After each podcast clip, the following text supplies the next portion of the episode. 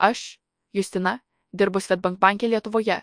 Kiekvieną dieną nagrinėju, kaip mano kolegos, o ir visos Lietuvos gyventojai tvarkosi su asmeniniais finansais, taip pat ir investavimu.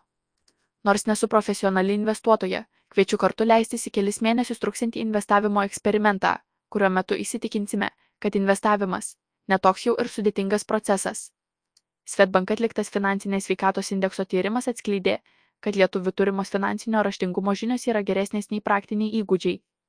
Iš vienos pusės, kaip ir smagu, jog turime asmeninių finansų valdymo žinių. Kita vertus, praktiškai turimų žinių įgyvendinti nesiryštama. Neretam investavimas apsiriboja tik indėliais bei nekilnojamojų turtų arba kaupimu pensijai. Gerai, sakysite man, tai nuo ko reikėtų pradėti norint investuoti. Juk tam turbūt reikia daug pinigų, suprasti, kas yra investicinis portfelis ir PN viskas yra kur kas paprasčiau. Ir tai pamatysite sekdami mano investavimo kelionę laidoje Investavimo akademija. Per projekto laikotarpį, maždaug keturis mėnesius, iš viso investuosiu tūkstančių eurų, kas kart dienoraštyje fiksuosiu, ką ir už kiek įsigijau bei kiek pinigų dar liko investicijoms. Kaip žinia, keliauti visada smagiau kartu su kompanija, tai į ją pasikviečiau ekonomistą, finansų ekspertą Tautvydą Marčiulaitį. Tautvydas investavimu susidomėjo dar mokykloje, būdamas 14-15 metų amžiaus.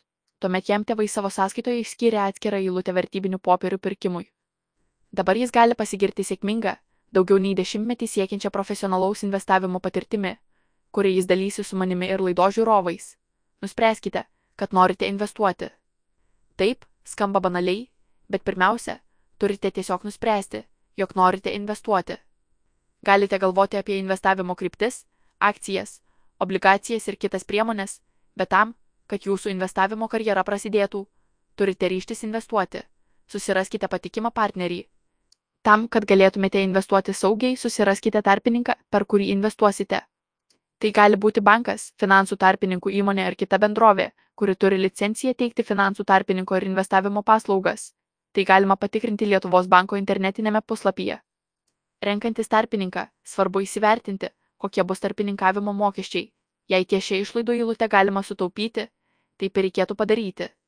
Be to, taip pat patogu turėtų būti ir vykdyti operacijas ar susisiekti iškilus kokiems nors klausimams. Būtent todėl didelė dalis investuotojų tarpininkų pasirenka savo banką. Atsidarykite vertybinių popierių sąskaitą. Neturėdami vertybinių popierių sąskaitos, negalėsite nei įsigyti, nei parduoti vertybinių popierių. Tokią sąskaitą patogiausia atsidaryti internetu tą kartu su tautvidu pirmoje laidoje padariau ir aš. Sąskaitos atidarimas - nemokamas, o tam tikri mokesčiai gali būti taikomi jau atliekant operaciją su vertybiniais popieriais, bet apie tai pakalbėsime kitais kartais. Kodėl savo vertybinių popierių sąskaitą atsidariau Svetbank banke? Įvertinau geras prekybos vertybiniais popieriais sąlygas, nemokamą turimų aktyvų saugojimą ir patogumą naudotis elektroninę banko aplinką. Patarimas, kurį išgirdau iš tautvido jau turint vertybinių popierių sąskaitą, geriausia atsidaryti dar vieną einamąją sąskaitą. Į ją galima pervesti norimas lėšas vertybinių popierių pirkimui. Tai bus patogiau atlikti investavimo operacijas. Pavyzdžiui, galėsite lengvai matyti ir analizuoti, kada bei kokias sumas investavote, ką ir už kiek pirkote ir PM pagrindinėje įnamojoje sąskaitoje šios operacijos susimaišytų su kasdieniais atsiskaitimais. Dėl ko sekti savo investavimo kelionę būtų sudėtingiau - sutartis ir klausimynas retas kuris mėgsta skaityti teisinius dokumentus, ypač jei tai nėra jų darbo dalis.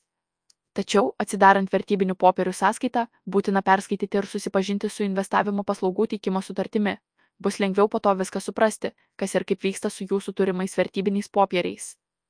Jeigu perskaitėte paslaugų teikimo sutartį, susipažinote su ja ir pasirašėte, o jūsų duomenys supildyti teisingai, galite gauti investavimo rekomendaciją. Ji nėra privaloma, tačiau, patarta tautvido, užpildžiau pateiktą klausimyną. Kuo daugiau informacijos apie save, asmeninę investavimo patirtį, rizikos toleranciją ir kitus aspektus pateiksite, tuo aiškesnių ir tikslesnių rekomendacijų galite tikėtis. Beje, tautvidas patarė vėliau, jau įgyjus daugiau realios investavimo patirties, prie klausimyno sugrįžti naujai. Gali išaukti noras imtis rizikingesnių investicijų, arba priešingai. Reikia man pačiai nepamiršti šio patarimo ateityje, atsižvelkite į galimus iššūkius. Kai jau turime atidarytą vertybinių popierių sąskaitą, perskaitėme ir susipažinome su paslaugų teikimo sutartimi ir jau norime leistis į investavimo vandenyną, staptelėkite. Realiai įvertinkite savo investavimo žinias ir gebėjimus. Jei dar tik žengėte į investavimo pasaulį, pradėkite nuo mažų žingsnių. rinkitės paprastesnės investavimo priemonės, investuokite mažesnės sumas. Svarbiausia, neskubėkite, nes investavimas - ne sprintas, o maratonas. Kai palaipsniui įgysite daugiau žinių ir patirties, galėsite prisimti daugiau rizikos ir rinkti sudėtingesnės investavimo priemonės. Šiai dienai tiek. Kita kart pakalbėsime apie keletą investavimui skirtų priemonių, išsiaiškinsime, kas tai yra rizikos tolerancijos lygis ir plačiau pasidomėsime investiciniais fondais.